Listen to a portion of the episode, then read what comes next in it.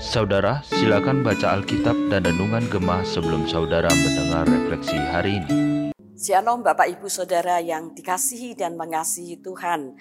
Memasuki hari ke-8 di tahun yang baru ini, marilah kita menjaga hati untuk selalu mengasihi Allah kita.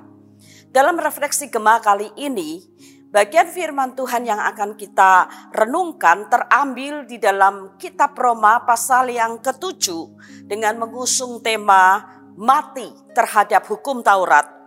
Saya mengajak Bapak Ibu Saudara untuk berdoa terlebih dahulu, memohon anugerah Tuhan untuk kita bisa mengerti apa yang menjadi kehendaknya melalui kebenaran firman-Nya.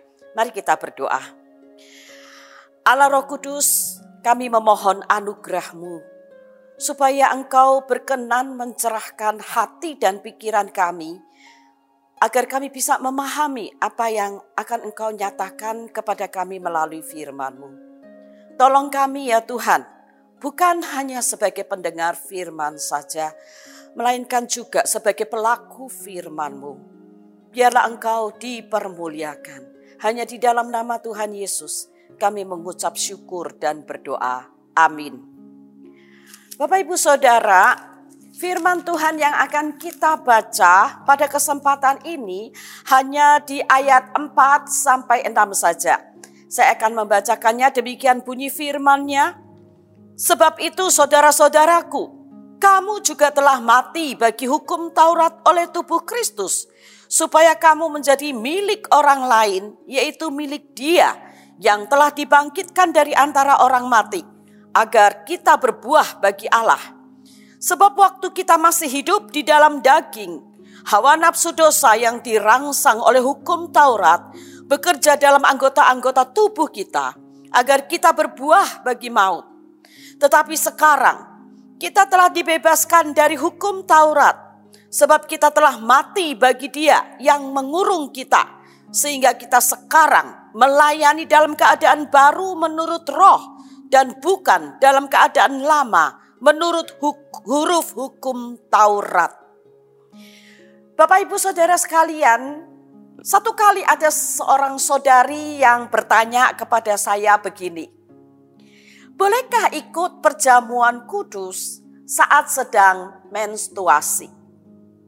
Ada pula yang bertanya, apakah orang Kristen diperbolehkan makan saren atau dideh babi ya itu adalah darah babi yang dikukus kemudian dibekukan dan dimasak.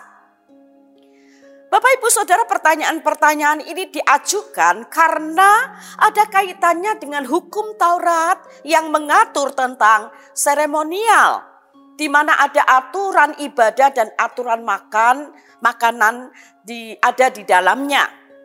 Nah, Bapak Ibu Saudara, apakah hukum Taurat itu memang benar masih berlaku atas kita? Inilah yang menjadi perbincangan dan juga pertanyaan di antara jemaat di Roma, khususnya mereka yang adalah orang Yahudi pada masa pelayanan Paulus.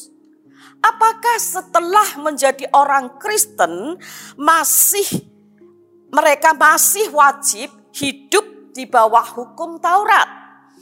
Nah, Paulus dengan tegas menjawab bahwa orang Kristen itu bebas dari hukum Taurat karena orang Kristen telah mati terhadap hukum Taurat.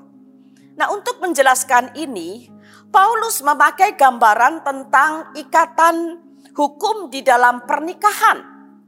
Ikatan hukum pernikahan itu tidak akan terputus selama suami istri hidup.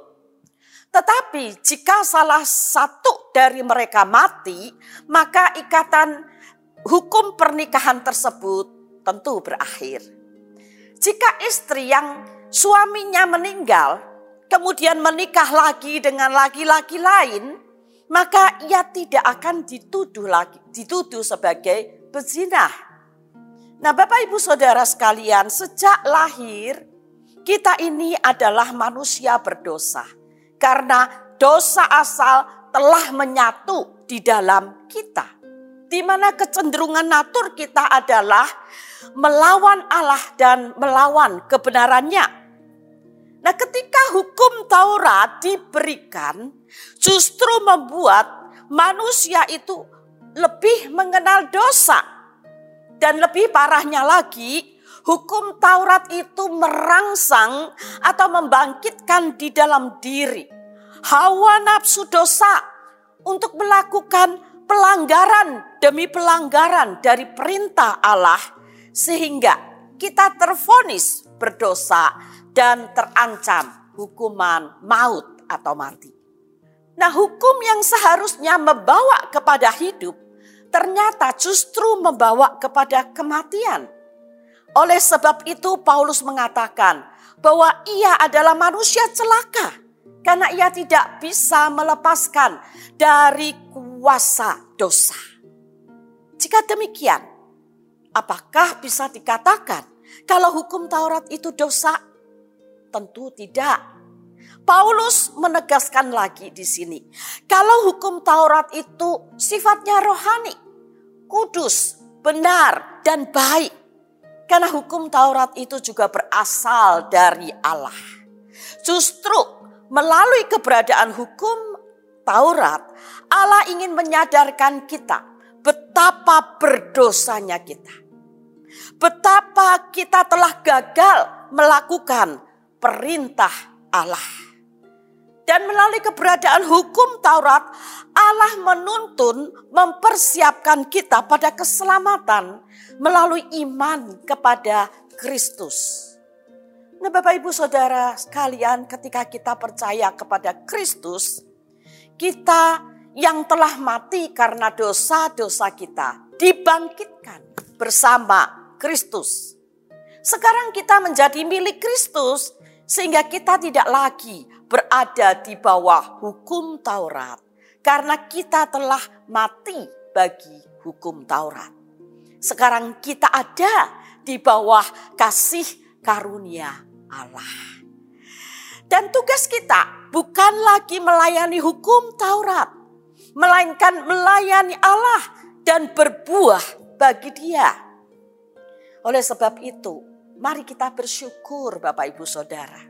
Bersyukur untuk anugerah keselamatan yang diberikan Kristus kepada kita melalui kematiannya yang menebus kita dan membebaskan kita dari kuasa dosa dan kuasa hukum Taurat yang tidak bisa dilakukan.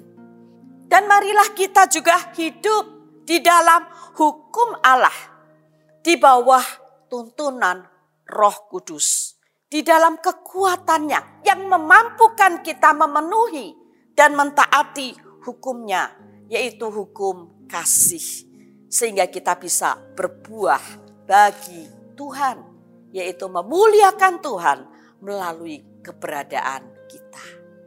Kiranya Tuhan ditinggikan dan dimuliakan selama-lamanya. Amin. Mari kita berdoa. Ya Bapa firmanmu telah kami baca dan renungkan. Sungguh kami memuji anugerahmu yang telah membebaskan kami dari kuasa dosa dan kuasa hukum Taurat melalui pengorbananmu di kayu salib. Kami juga mau memuji anugerahmu karena kami dapat hidup di dalam kasih karuniamu. Tuhan tolong kami untuk bisa memuliakan Engkau, menyenangkan hatimu di dalam setiap aspek hidup kami.